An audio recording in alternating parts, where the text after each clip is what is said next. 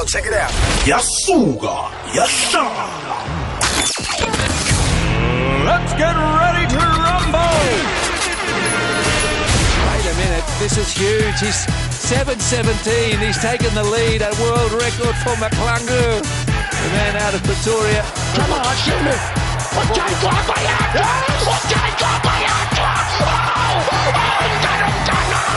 made some really good ball.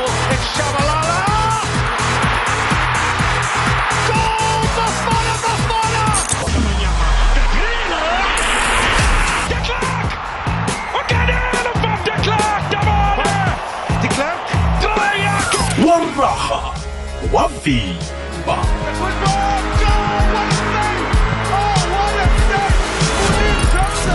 indaba ezitshisako abadlali umbango webhigiri isunduzwano lobujamo beligi fulela wanethwa kukwekwecfm fulela wanethwa You got paid his month end. Thanks, God. And if that has happened, my man, there's a pair of sneakers you want and your budget is tight. Forget the budget. Look after your emotions. Go buy that pair of shoes. It gives you positive energy because the world is up against you. Nobody's gonna look after you. gotta look after yourself. And nobody's going to give you a big gift of positivity, but a series of events that are positive, even a meal. Go prepare the best meal in the world. ngomvulo bekubengolosihlanu 5 to 6 hashtag fulela wanethwa nangambala lihlelo fulela wanethwa mlaleli kwekwez FM angikulotshise lapha ukhona kuphi nakuphi la ulalele khona lo mhatsho ngulady bingo kakosabo mzukulwane.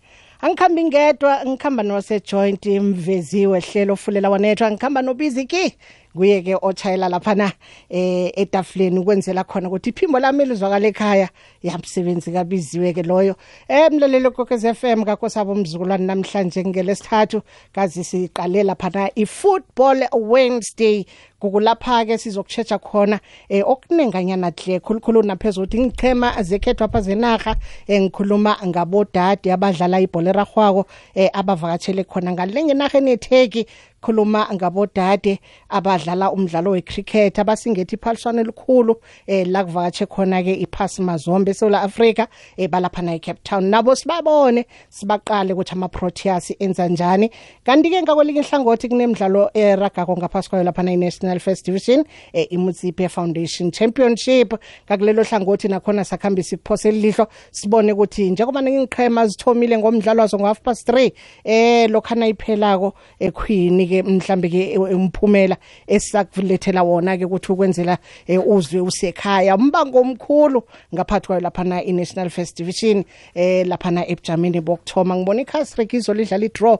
Polokwane City yadlala namhlanje eh umphumela wanamhlanje. Nawo ke ngiwo kozasitshela eh ukuthi kuhle kuhle amachuguluko kulog ye-NFD ajame engayiphindlela. Kuno kunenkulumo enkulu namhlanje kokwakho ke e- e- ephathelene nehlela la sokutshetha khona idabi la size sinenithekeli zethu esakhuluma nazo ngale ku half past 5 kodwa nje akhe sithethe intolo ngemva kwalokho ke sikwazi ukuthulela ezonke ezenzeka ngaphakathi kwehlelo.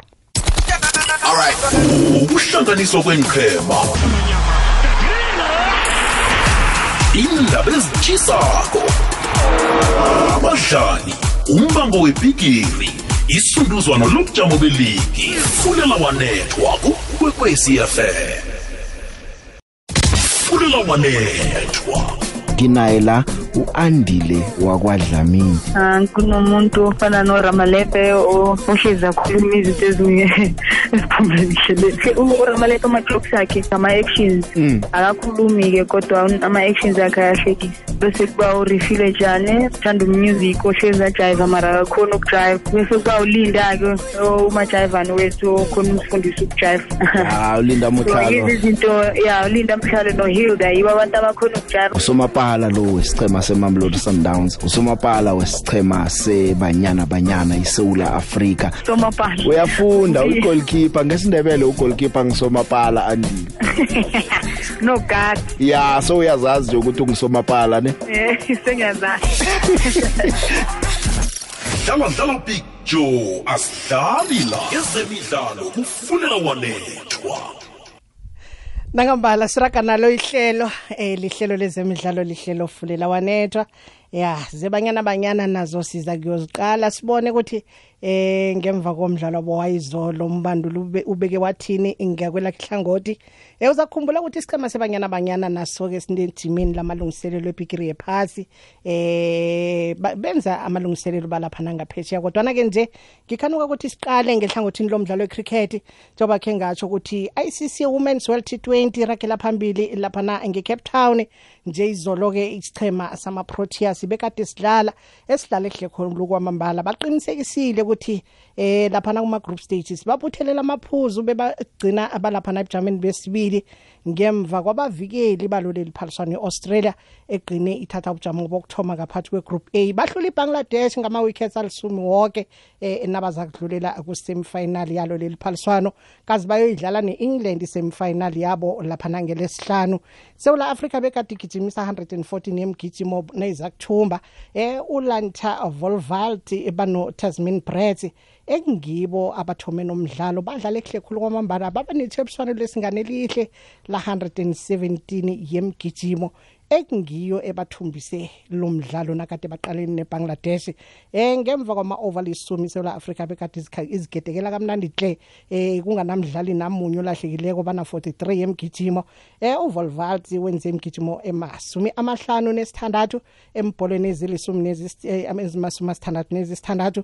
uBrett naye ufikile ku half a century 50 yemgijimo embholweni ezimasumi amahlanu nebholo yinye kanti na uthi uyaqalisisa ke laba babili eh benze kuhle khulu kwamambala. Nawuchechisisa ngendlela ababuthelene ngakhona emgijimeni eh uyasho uvolmans ukuthi into ezobasiza khulu kuya phambili mkhumbulo wabo ukuthi bawubeke ekutheni baphumelele ukuchinga lapha naku-final njengoba ke vele eh bazimisele ukuthi ba- njani nakanjani bafuna ukungena ngaphakathi kwe-final yabo yokuthoma asimuzwe lokhu naphumelela kokwakhona akhuluma ngokudlula kwabo kusemi I think if you look at our, our last semi-final in the 50 over World Cup, I think it was just a, a total mental lapse. I think we had our worst game of the tournament um, in that game. We had a good tournament up until that, po- that point.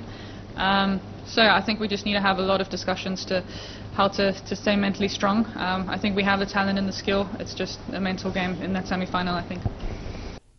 uthe lokhu naragela phambili umdlali lo volvald waveza indaba ukuthi ukholwa ukuthi ukuchuguluka kwezinto okubenze ukuthi baqinisele badlulela ngaphakathi kwe-semifinal kwathoma lapha nabaza kubetha isichema se-new zealand ngemva kokuthoma kabuhlungu khulu emdlalweni wabo wokuthoma nabaza kudulwa isri lanka Uh, yeah, obviously a very frustrating way to start the tournament. Uh, I think we're very fortunate to be in a position that we're in the semi-finals on net run rate. Um, particular moment, probably just the New Zealand game uh, when we restricted them to 60 or 70 or something. I think we just knew that, that we were there for, for the fight. Um, I think the fight that, that we showed in that game was really good, so we just knew we, we needed to take that moving forward in the tournament. Kanti-ke ngelesihlanu njengoba ngikhe ngatsho lapha bayodlala khona i-semifinal nenarha e-england begodi baqala ukudlulela ku-final yabo yokuthoma kinandi iphaliswano le-icc kanti godi-ke nokufaka ihlangana iphaliswano layo laphana imidlalo ye-t20 nama-over ahunyeziwe kwamasumi amahlanu khe ngekhe bafike ku-final ngaphambilini eh kanti uthe naragela phambili uVolma- uvolvance wabeka indaba ukuthi lo mdlalo ungoqakatheke khulu nabayoqalana ne-england begodi mahlelo abo kuphela zabachaphisa ekutheni badlulele phambili Yeah, th- they're a quality side. Um, we've lost many semi-finals against them, which is not ideal. Um, and they, they play a very explosive, very attacking brand of cricket. Um, so I think tomorrow we're just going to have to have some good discussions about how we can use that against them. Um, and if anything, it gives us a bit more freedom to know that we, we're going to have to put a, a lot of runs on the board early on and, and get off to better starts than what we did. Isewula afrika ke eh ithe lokhana idlala ne-england umphumela sele uwoke eh england ibeke 213 yemgijimo kulahlekele abadlali abahlanu eh nakade iqaleni nepakistani. Ipakistan ibeke 99 yemgijimo kulahleka abadlali abalithoba.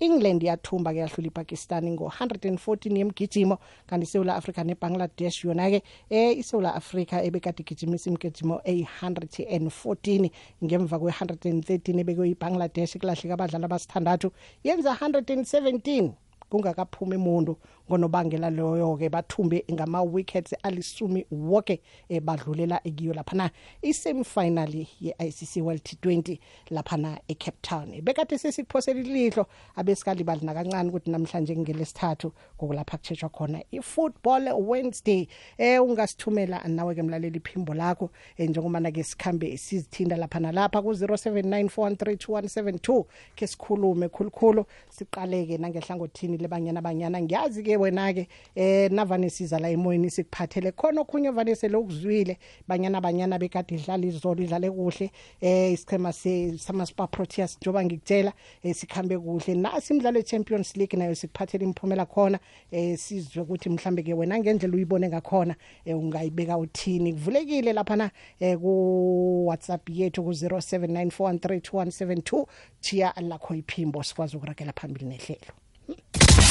fulela wanethwa unhlanhla shabalala isecretary e-south african football players union isafpu kuzwakala ukuthi abadlali be-ts galaxy wabangathola umholo wabo. Siyayazi ngempela ikhona ukuthi abaluthola ngiholo laba abadlali. Isekela likamongameli kokwakho lehlangano le utebugo munyayi Indeed, TS Galaxy is not for the first time. About four or five months ago, they did not pay players for two months. This is for the second time. simfonela uchairman akalubamba uphingo yena ama-calls akababuyisi usemoyeni yatsho itho ngithi uyindoda uyakhona ukukhuluma no-team um mara namhlanje nalezi uyakhona uziveza abantu abafana nabahlogwa picture sizikhuluma zonke siyahatsha esukompicture ngithi uyindoda kuhle kuhle lapha epalamende lapha kufuneka wena ube nguspeaker No, no, no. You're out of order. That's really stretching it now. Don't think about that, please. dlala dlala picture asidlali la ezemidlalo kufulela wanethwa fulela wanethwa. Nginobaba upitso dladla ombanduli wesichema se-richards bay. Yazi ukuthi kesinye isikhathi ababanduli indaba ye-mandate a- anikavami ukuyikhuluma khulu. Kodwana njengesichema esitsha esifika ngicabanga ukuthi i-priority kini kukuthi ni-maintaine i-status senu isizini imandate ayikho ekuthenini emagemini awu-thirty sesiqedile imandate ilanje emagemini amancane mhlawumpe awu-five. Buke ukuthi singacosha amaphoyinti angakanani. Siqede lawo five idlulele kwamanye awu-five so indlela la ithimu isebenza ngayo kodwa-ke nathi njengethimba yabaqeqeshi siyayisibe nayo imandate futhi esiyibekela yona etshaleni ukuze kuhambisane nepurpose esiyisolayo so imandate kuba yinto eba kanjalo la eqenjini lethu. Fulela wanethwa.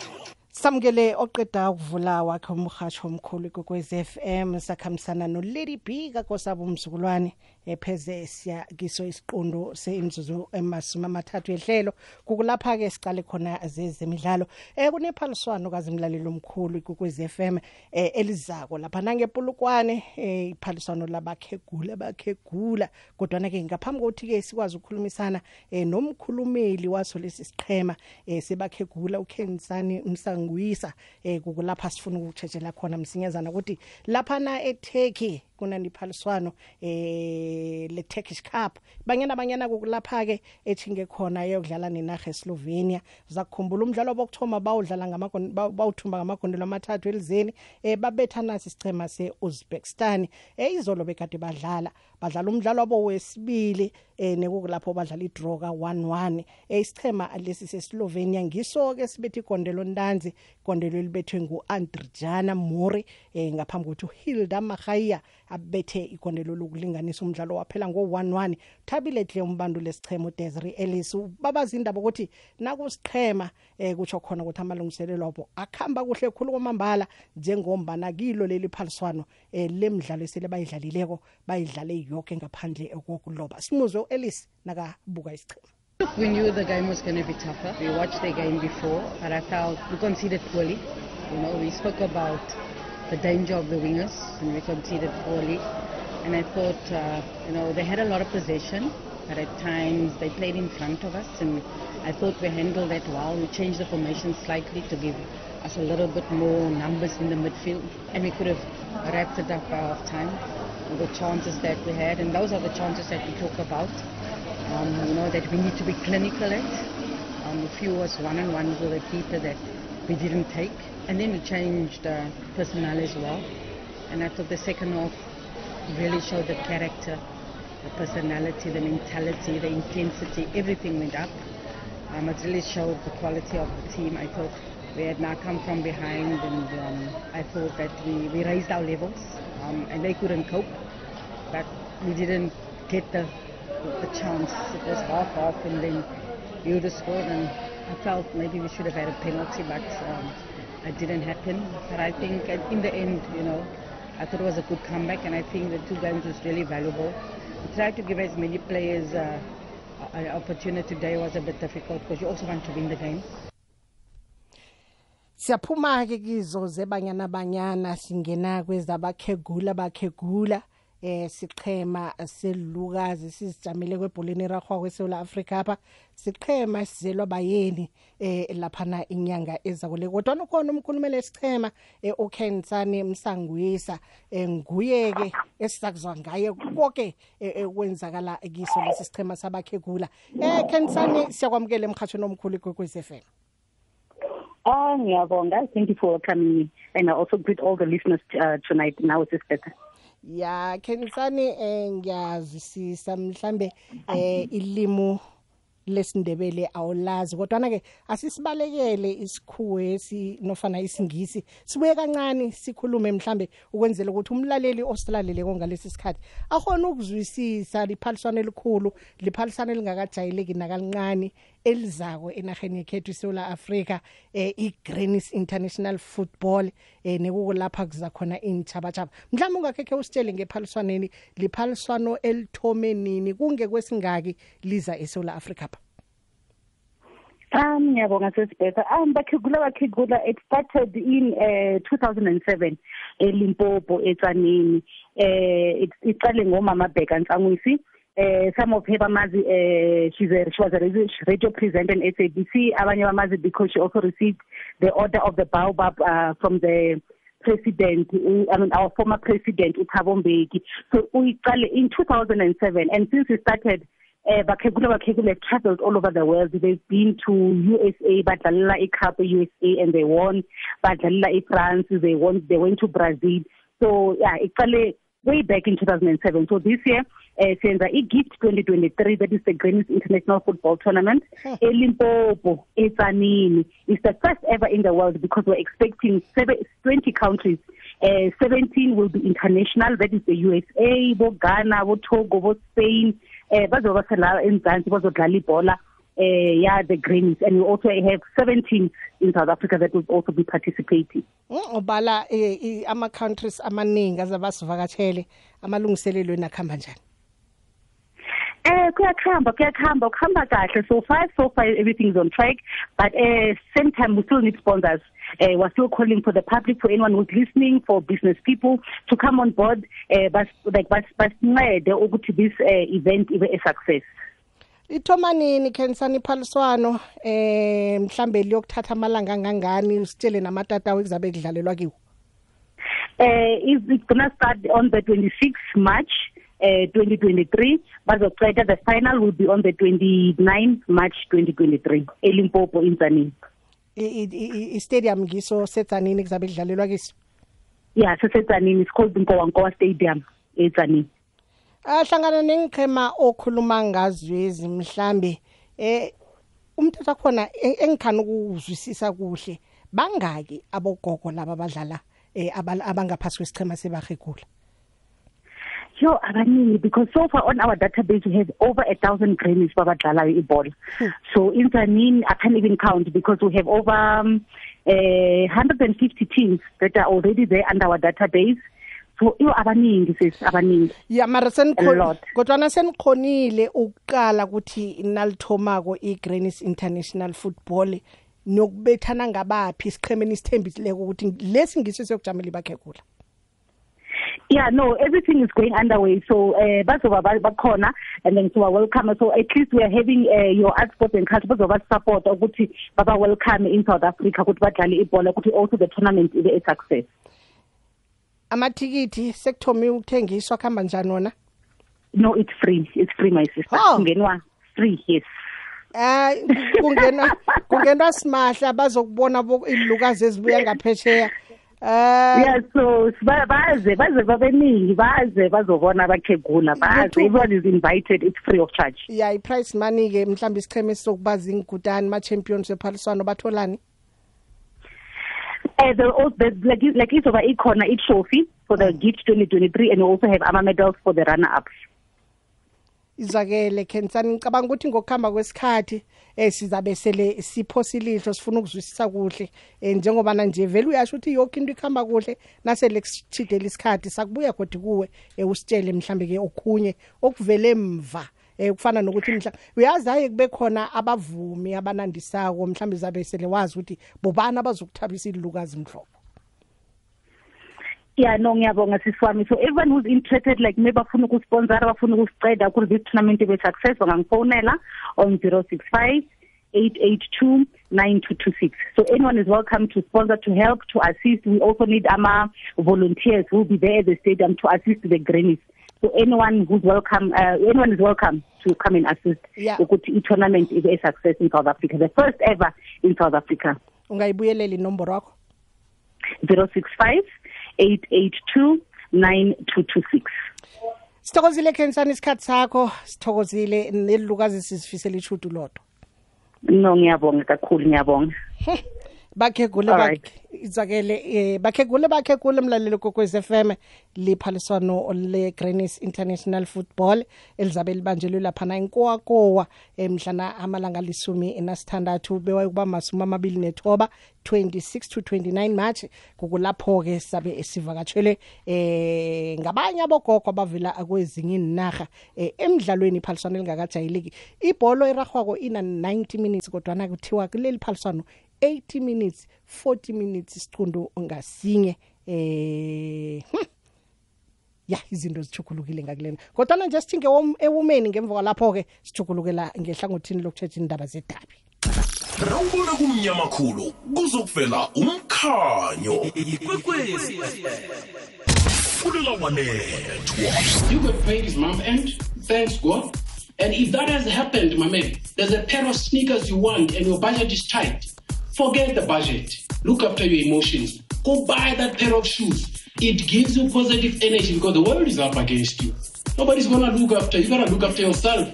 And nobody's going to give you a big gift of positivity, but a series of events that are positive, even a meal. Go prepare the best meal you enjoy. ngomvulo bekube ngolosihlanu 5 to 6 hashtag fulela wanethwa lady b lodge nobiziwe eh ungutshana sizwe standard one station 6 ngithi mina hayi balwile abantazana be- be- bekhethu. I-protest women's team. Abalwa impela balwa impela izolo. Eh, abolora batshengisile ukuthi banama over 100 caps ku- kule kule team. Eh hayi ngibonile izolo bekuliwe izolo. Eh sayiwina kanjalo igame. Okusele nje ukuthi sihambe so iphindisela ku-england bese wisiya ku-final. Ayikho enye kumele sibe khona ku-final. Whoever somfisa ku-final we must show them ukuthi sekhaya la. They won't come here and dominate us ekhaya. Eh kumele siye lapha nokuzethemba. Uh, the likes of abolora step up to the game izolo. I'm proud of them. We're behind them all the way. Thanks. Echapeta echapet. Ngikulotshisa ngilotshise newasedladleni intwana sedladleni na henry naumadumana 13 time psl champion bekelibeke eh beta umdlalo siwubonile izolo hlangana kwe-real madrid ne-liverpool. Hayi real madrid seyidlala nge-liverpool. Sincane lese sundowns idlala nge-orlando pirate lo mdlalo ungikhumbuze nje i-sundowns ne-pirate ngibuye bheda eh, ngize kule le derby friendly esaturday. Angibona i-pirate yozidlulela easy game for pirate three orlando pirate chiefs not Eh, ngibuye ngize ku-continental derby. La sekuphele khona amaphi- amathikithi aphele khona izolo. Mamelodi sundowns 2 al ahli not tanki peta henry namatumana 13 time psl champion. Bekelibeke Well, sanibona isitudio sekwekwezi FM. ugiven isikatane langavile 8 ekhasimarite bush. Awu umama uvele wavele wangena vele akasasho ukuthi ubambele ubig joe. Ubig joe akasekho na? Ngoba nobhoholo naye kwavele kwathuleka vele akazange wavalelise kwavele kwathula kwathi du tothi namanje asazi ukuthi ukuphi. Or naye ibig joe sowambile ngoba ngithi befuna asho mhlawumbe athi angibambele ubig joe mhlawumbe akekho um maybe unemkhuhlane Larry P eh mina izolo bengicala umdlalo nakhe we-Liverpool ne-Real Madrid. Eh khe ngibethele uLocomotive izandla. Ngimbonile mani bekazilawula iretlo bekazirawula eh kazibeka ngezakhe beyangakabambisani nomuntu kizo eh Joe Gomez ma-Liverpool. Ya ngithi ncancabe mani ngiyabona okuningi kwenzeke lapha kuye. Ncancabe. Ngibuye ngize nakubosamapala ababili. Yabachaphile lokho kaze kungiphi isifundo bona nangapha ngekhaya. Eh abosamapala nabanobuchapho ntesamukeleni bese ndani ngithi-ke hayi real madrid hayi yona ingehla. Ingehla eh, engichebeni zonke ezikhona lapha ku-epl angazi bona mdesi ukufuna siphi esisakhona bona sisijamele na. Hayi iyadula. Nakanjani mlaleli kwekwez FM singena ngaphakathi kwesiqundu sesibili sehlelo lihlelo fulela wanethwa.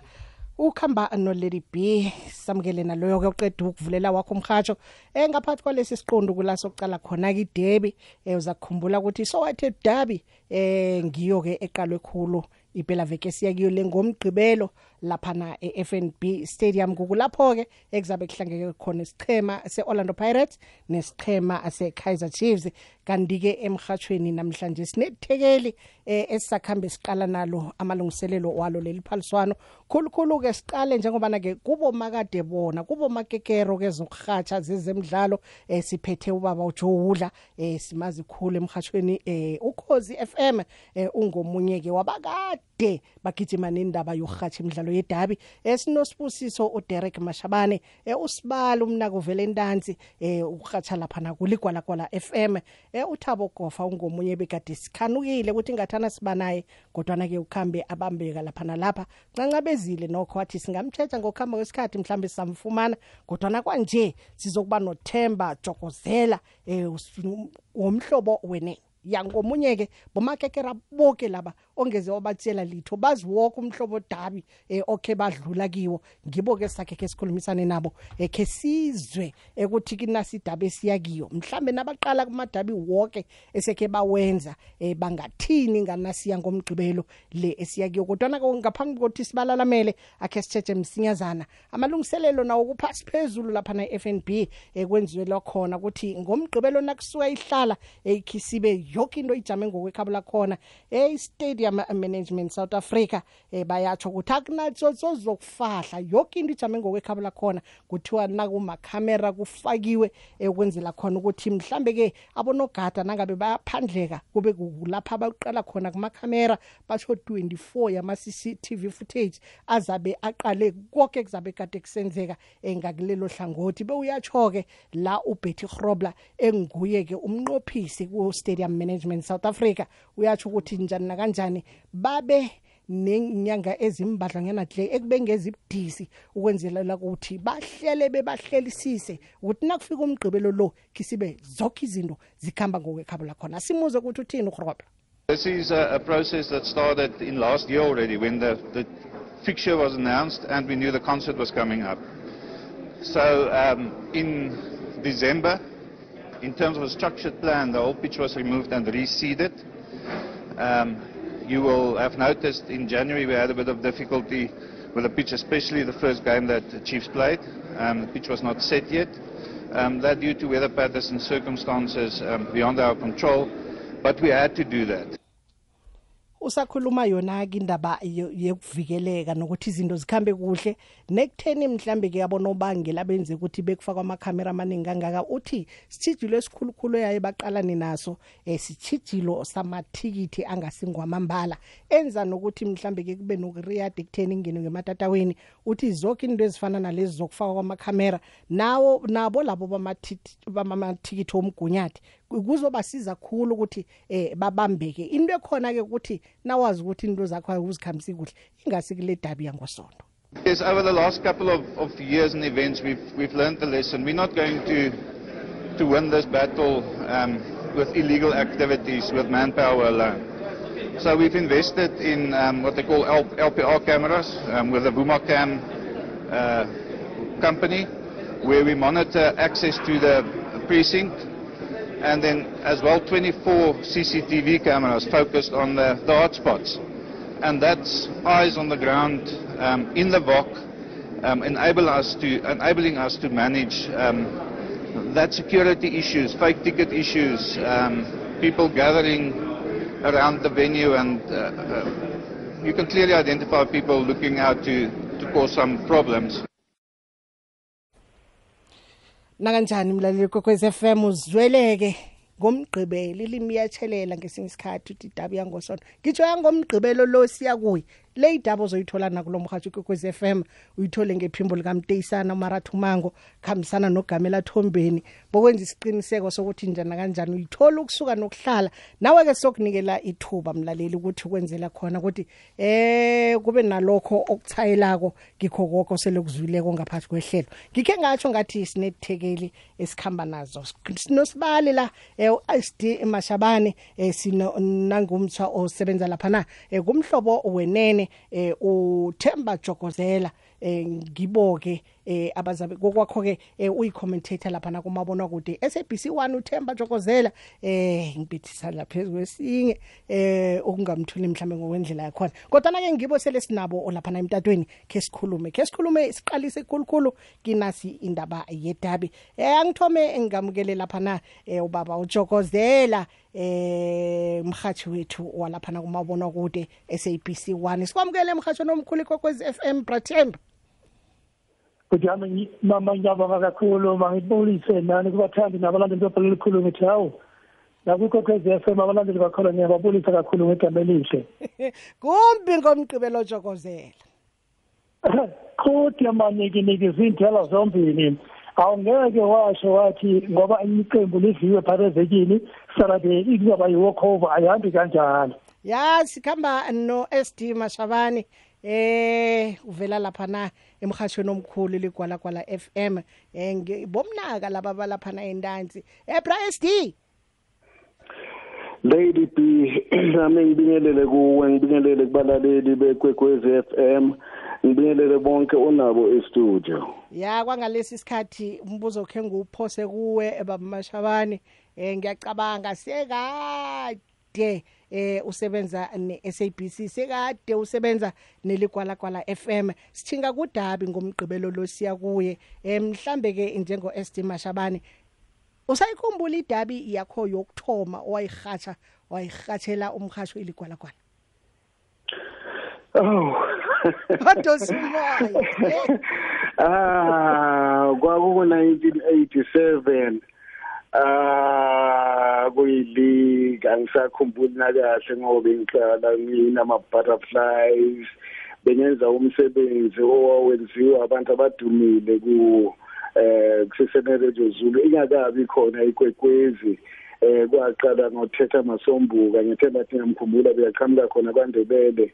Eh emuhle umsakazi ngendlela emangisayo actually bathi iteshi ngisho nabatswana ngoba uma ngiqale e-SABC 84 besepretoria sisebenza kuyiswazi kuyindebele kuyispedi kuyisitswana bebasho nabatswana ukuthi wayethi mayelisakaza uthetha masombuka ngisho namakhosa abothemba labo bebamamela yena uthetha masombuka emva kwakhe kwenza ukosadelo wayelibiza ngisho nabatswana ngempela bamamela. Kwathi uma kuvulwa istadium ngiyacabanga ukuthi ku-1990 ye-FNB stadium nabanenhlanhla bekhona bobabili um nababiza ukuthi sizosakaza sibathathe kodwa zange kuhambe kahle ngoba sathi sesivumelene. Uma sombuka ekugcineni sekumele siyongena siqale igame eh wangasafuni ukuya khona ngitshela ezinye izinto engiyikhulume ngazo emoyeni manje. Kodwa ke ngaba nayo ukosade babasakazi.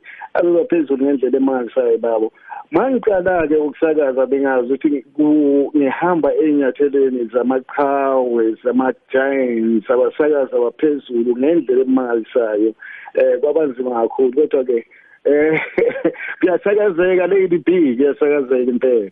Nakanjani kungonobangela lo vele sibiza ama legend ebrathemba la esifuna ukukwazi kumadabi la osekhe wawenza wonke mhlambe ke umehluko eh eminyakeni yangaphambi kokuthi singene ngaphakathi ko year 2000 nangemva ko year 2000 idabi le iyafana nyangithomeni niyangemva nje? Awu into leyithi sezatshintshe kakhulu. Ngoba kudala ubona nje makuzodlala i-chiefs ne-pirates kwasemateksini nje evenkini emabhasini nje konke kuyaxokozela mvanje nasekuthulekile nje wonke umuntu useke sithi hawu sizawubona khona. Kodwa ngaphambili hayi kwakuthanda uba nzima kakhulu.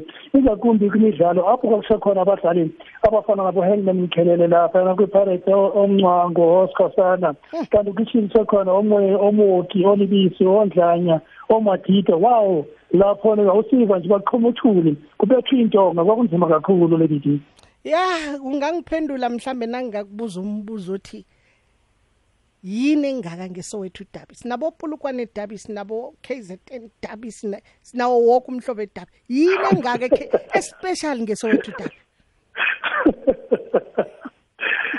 uyazi indawo nendawo inedabi yakhona uya e-Egypt ikhona idabi yakhona ungaya eGhana ikhona idabi yakhona.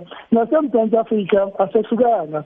Sinayo le dabi yethu enkulu kakhulu esiyibiza ngoba enkulu kakhulu ngoba inomlando wena ngoba ngankunyana waphuma nje iqembu lelo Pirates wawufomisha iklabhu yakhe iKaizer Chiefs zange izinto ziphinde zilume kwakhona kuqala lapho. Kwaqala nje lapho kwathi hawu yabona ke kusula manje kuzaya phambili hayi.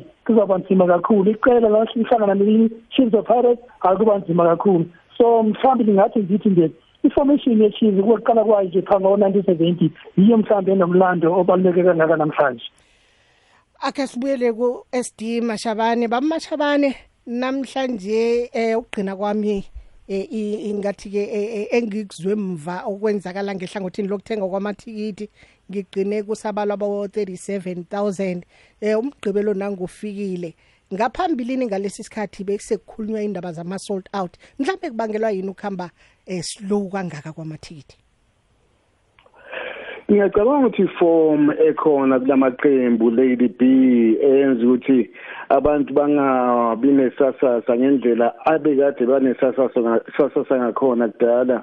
Bekasasho uThemba uthi ukufonywa kweKaizer Chiefs kwaba khona eh indlela ehlukile ngokufuna kwamaqembu enza ukuthi kube nobutha obukhona kuKaizer Chiefs nePirates ngendlela umuntu ongaphuma ngakhona kuqembu lePirates kwenza izinto nabadlali abathize abo Johnson abo Ratha Mokhwatle eh kwenza ukuthi kube kube kube nobutha eh kulamaqembu. Ngiyacabanga ukuthi iyo into edala ukuthi sibone le dabi. Inalokho enakho akhona amadabi bekhona iSwallows nePirates yebo bekuba khona ama emotions makudlala amagame kodwa iChiefs nePirates kunento ethize ehlukile yebo kuba khona kwe Vodacom um ukuthi basponsorishe ilokhuza icompany eyodwa. Kwadala ukuthi abantu bathi angeke isaba nale nale nalento ethize idabi. Kodwa yaqhubeka abaletha abantu ngizathu ezihlukahlukene kulena namhlanje ngicabanga ukuthi mhlawumbe kwenziwa slow ngicabanga ukuthi by Friday azobe athengiswe wonke amathikithi. Inani ledabi angiyazi inani ye-Lady B. Ngaphandle kokubunjwa kwe-Kaizer Chiefs ayikho enye into ngoba uma ukhuluma ngequality yabadlali maningi amaqembu ukubuyela emuva nje kancane 1975 makudlala i-Pirates ne-Swallows ku-Sales of Champion of Champions kwaku umdlalo obuphakeme ngendlela emangalisayo 1980 Chiefs ne-Swallows ku-Man Station final umdlalo lo engakhuluma ngawo kakhulu ngoba wawusezingeni eliphakeme kakhulu kakhulu. Pirates ne-Chiefs kuba khona nje into ethize ubuyele emuva kubo Live Cup 1974 indlela edlala ngakho nesithize ngalomdlalo um we-Chiefs ne-Pirates. Mhlawumbe ne-social media incifisile ukuthandeka kwawo mhlawumbe nokuthabawo mhlawumbe ne-excitement yakhona mhlawumbe ne-memory ezayile imidlalo mhlawumbe nalokho. Kodwa nalo mdlalo. Bengicabanga mhlawumbe i-obituary sithi hayi sekho idabi isekhona ngezathu ey'thize ama-elements athize asekhona ey'nhliziyweni zabantu. Uma ngibheka nje i-support sundowns bengicabanga ukuthi mhlawumbe izobe isikubo-sixty percent of i-support ye-chiefs. Ayikafiki lapho noma idlala kahle kodwa ngoba ingazange i-sundowns ibe umlando owabakhona ku-pirates ne-chiefs kwasekuqaleni. Sisonke-ke bamashabani lakho lokugqina silindele njani-ke idabi ngomgqibelo isichema samakhosi sibuye kuloba isichema samabhakani asithumbile silindele njani idabi mhlambe Eh uyangiqatha ke manje Lady B. Idabi ayipredictiwa eh Lady B. Ayoninjani? Ngiyenzeka noma ngabe ngicabanga ukuthi mhlawumbe singathe sibone ivuke emaqandeni Kaizer Chiefs ngicabanga ukuthi kakhulu kakhulu esikhathini esiningi kuye kube lelo qembu lingena kudabi njengama underdogs lelo isimangaze ngicabanga ukuthi izosimangaza iKaizer Chiefs kakhulu ngoshabalala. Sithokozile isikhathi sakho baba mashabane. Eh brati nawe ke naseluyisonga ngakwelakho ihlangothi basho iChiefs eh ungayiqali ngemidlalo yayo ebuya kiwo. Basho nayibuye kulobeni eh khulukhulu kubhlungu kangaka kwe32 ye Golden Arrows eh basho ibabhlungu khulu. Khani wena uthini ingalokho? Leli ungaze uyenze lona ungaze uyenze lo mpazamo leyo ukubona i-previous game yamaqembu afana Chiefs ne-Pirates. Namaqela kanjalo lawa ifeva uzodlala igame yedabi imatch eza before igame yedabi badla ngokuthi badlale kakubika kakubana kuba besele sazi bamqondo wabo sowujonge phambili sowujonge kula match yangomgqibelo idabi kodwa-ke angeke utsho njengoba sitsho nelegend ngabe ukuthi awumeke uyipredikthe i-the pirates. Weyiza nje nelegend bayabona uba kuthi hayi kuyothi kuyoqhuma. Kuyoqhuma qhumile lapha e-FNB ngoba kambe iqela ezawuthi lingenzi imistake ngalo mini leyo yilo ezawuphumela lo mdlalo ngomgqibelo. Sithokoze khulu kwamambala isikhathi senu eh nokuthi niphosele nikhone nokutshela umlaleli eh ngendaba azedabi ukuthi idabi kuyinto enjani. Thokozile eh Brathemba eh Jokozela eh isikhathi usinikele sona ngiyabonga sisama inkosi kakhulu. Mm. Nakanjani mlaleli kwekwez FM usizwa asile sithoma namhlanje. Sithoma vele siyawuphakamisa umoya edabi eh siqhema samakhosi siqhema eh so mm, somzomnyama ya. Siqhema samabhakhania lapha na FNB Stadium ngomgqibelo lo esiyakiyo eh njengikhuluma nje ke vele emtatweni silinga ngakho kokusemandlani ekumandleni ukufumana lapha na uJohudla eh uyasho umvezi uyasho ukuthi simfumene asiyeqenayo singene naye emhashweni omkhulu kukuze FM siyakwamukela brajo Eh phepha kunjani? Hey, kamnandi khulu eh Brajo. Yana ngikhuluma nawe ngiyazi ukuthi nawe ungomunye ama legend okade usemhathweni eukhozi FM. Uyihathi dabi. Nasi dabi ifikile. Idabi lesiyakiyo Brajo udla eh ungathini na uqala mhlamba amadabi wonke wangaphambilini? Eh nanaka amadabi wamva nje ngibona kwanga inyawo zidosa stara kabuthaka ngibona amathikithi akhamba slow. Abantu bathini? Ihype injani ngedabi? Yena ngicabanga ukuthi izinto zizopick up njengoba kusondela i-weekend. Kodwa uyazi sizibheda inkinga nje enkulu ukuthi uma i-Chiefs izinto zingahambi kahle. Lokhu excitement isasasa alibi ngako ngoba yazi eh i-Chiefs akusiyi Chiefs le esiyaziyo. Noma i-Chiefs bekhamba khamba kube khona ikhathi la uthola ukuthi iya dropa but ibuye ishesi pick up iyaqala ukuthi indizele phansi ngalendlela eyenzeka ngakhona. Okhombisa ukuthi kukhona mhlawumbe angazi ukuthi yini ngoba ngeke ngithi ayinawo ama-players kodwa wona lama-players kufanele ngabe siyawabona ukuthi adlala ini. Yabona ithi siyasigida kwathina ukuthi kambe idlala ini? Ucoach uyidlalisa uyidlalisa yiphi into? Udlala i-passing game yakhe ihamba ipheleleti iyona inkinga ikuphi? Abantu nje abaningi nami nje angikwazi ukuthola ngempela ukuthi inkinga ikuphi? Njengamanje nje bangama-underdogs la angakaze ngiwabone ichaza nje kunje kuphela ngoba idabi idabi idabi um noma ngabe enye i-team i-off form kodwa manje ibhekene nenye ukuthi bayazana. Abadlali bazidlalela bona ngaphandle kwe-coaching ngaphandle kwani bangafundanga obani sifuna ukuthi basifune ziyezishintshe izinto. But otherwise hayi yona le le le le le le game lena ithanda ukwafa kuyazi ngoba ayibe ayibe khona amadabi eh angaphambili kusukela nje ikakhulukazi amadabi aqala ukusukela ngo-72 73 eh kodwa ngikhumbula ngo-73 i-pirates yona yakhapha cisho zonke icoco ezazikhona kuyona laphana-ke i-NPSL yagida isimanga emva kwalokho kusukela lapho-ke ngo-70 ngo-74 75 yabuya-ke ichiefs-ke ngina ngesikhathi kufika uthini ezidlandla yabuya-ke ichiefs-ke yacontrola um kusuka lapho kwashaya ama-80s early 80s yahamba njalo eh, iChiefs ke idominator eh kulokhu njana kuyona idabi eh ngoba mawungabheka ngisho ama ubheka imiphumela ama results ama alama alama team amaningi. Noma amaningi kwama draws kodwa iChiefs isikhathi iya dominator eh isikhathi eside iwawina phela ngiphi ke wena ongekhe wayilibala kiwo wonke okhe wawenza?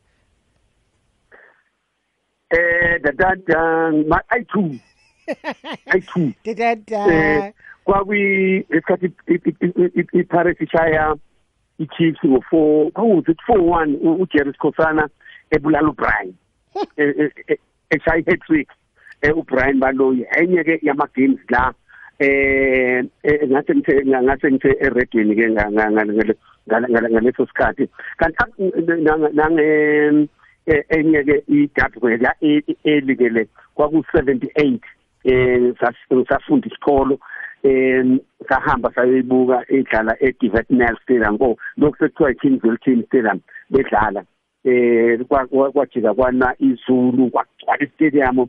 Indlela ongakazi ibone ichief yawina wanili ngegoli lika lika AC Mthwelengwe amanye ke la engake mina engake ngawabona. Eh impela nenye yayidlale uLanda oh sengizogcina senithi onke kakuthi kodwa ake ngigcine ngalawa ya no manengi brajo hayi maningi phela mama. No izwakele amehlo wonke vele sesiwabeke ngomgqibelo. Na unesibindi ungasitshela? Mhlawumbe ukuhamba nasiphi isichema ngomgqibelo? Ngisipho bona sizokuphumelela? On form iPirates kufanele iwine easy iwine kalula. Ngokuthi ke iPirates nayo inemihlolo. Ivele nje iPirates ingakori. Eh iPirates igcine idlale idlale draw ngoba ingathi mangabe iPirates ngendlela ephoqa ngakhona angeke wazi ukuthi ke uyazi ngesinye isikhathi ungazi ukuthi hayi labantu bathakathiwe la. Ngoba nakufanele bayidle chiefs bavele nje ngaleli langa igame kufanele badlale ngani ubone ubone enye ipirates kufanele ngabe ishaya chiefs noma u4 u4 3 nil noma isiqhini score. Yabona njengamanje nje nawubheka form wise bheka iform yalama team amabili. Ahlukene ngo10 iPirates le iChiefs ile ngendlela nawabheka nje ama games abawadlalile behlula kodwa ungabona isimanga ukuthi iChiefs idlala iPirates draw eh kufanele laba abathanda ukudlala ababheja amaphanda le must be careful yabona Hayi uzakele ebrajo eh ngicabanga ukuthi nomlaleli kokwez FM uzwe kuhle khulu kwamambala sithokozile isikhathi sakho Okay mntana papa ya ngutshowudla emhathi lapha na emhashweni ukhozi FM eh ngomunye ke wabenze amadabi amaningi hle esikhathini esidlulileko isikhathi sikhambile isikhathi sonakele. Asise ngehlangothini lethu sele sivumela khona ukuthi msinyazana emlaleli simqalele. UEFA Champions League imphumela izolo bekade kuningiqhema ezidlala kuMadrid isichema salaphana ku league ya ku Spanish La Liga iReal Madrid babethe iLiverpool ngo 5 2 ya bekade kudlalwa lapha na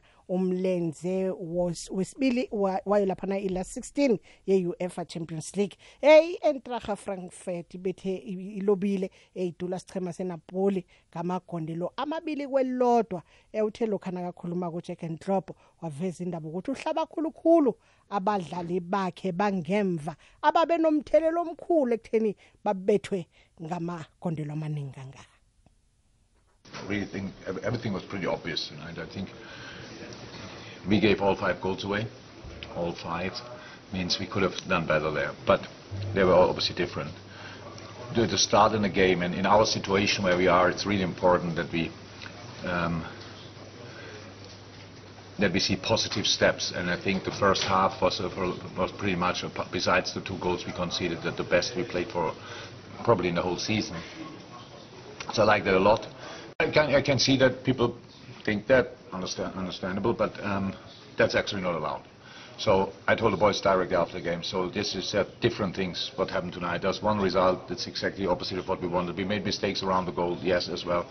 But, um, and I said that a couple of times, a defeat is a defeat if you don't learn from it. So, and if we don't learn tonight that the start of the game was outstanding and the, the way we played it was us in a nutshell, that was us like we want to be. Um, and that's what we have to keep doing. So if we now allow this one game uh, to be influential, well, we are really silly. ya kungemva kokuthi kuloba isichema sayo laphana iLiverpool ebethwe nginasi isichema seMadrid ngamagondelo amahlanu elizini eh isichema sayo laphana iManchester City siyadlala ke namhlanje ebusuku nanasi isiqhema salaphana iLeipzig umbanduli esiqhema seLeipzig uMarco Rosehead uthe eh umlenze wokthoma wela 16 eh ukhuthaze khulukhulu abadlali bakhe ukuthi babe nokuthemba eh begodi bangasenyazana kancane isiqhema seManchester City kodwa nabathi lokho nabathinga kiso eh bathinge ngokuzithemba okukhulukhulu. Bewaveza indaba ukuthi eh umdlalo amphosi lihlo khulu kulomdlalo nguErling Haaland. Amazi khulu amazi lesichimeni seBorussia.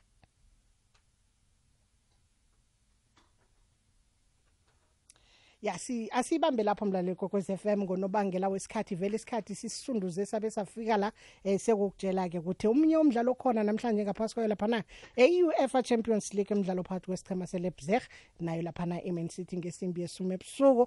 Bese kuthi i-Inter Milan idlale ne-FC Porto nawo kumdlalo ungo-10 ebusuku. Kwanamhlanje thokozile ihlelo likhambe lafika khona la kusasa lokho kusako enjani nakanjani kukulapho ke sabe sele sibuya khona sikuthethela ukuthi izinto zikhambe kayiphi indlela. Uza kubuya ngelesihlanu ubig joe mlaleli kwekwez f m. Msinyazana khe ngikubethele msinyana. Elapha naku-abc eh, kokwakho mutsipe eh, foundation isichema se-cape town city sibethi chakhuma ngo-3 2 jtr stars ne-black leopards izidlale ngo-not not ipolokwane city ibethi isichema se-cape town all stars ngalaphana u-2 1 ama-tax alobile betshwa imagesi ngo-1 not bese kuthi isichema nasa se-venda football academy naso-ke ngesinye-ke isichema eh anginasiqiniseko kodwa umphumela khona uza kuvela kusasa naso ngesinye bekade sidlala.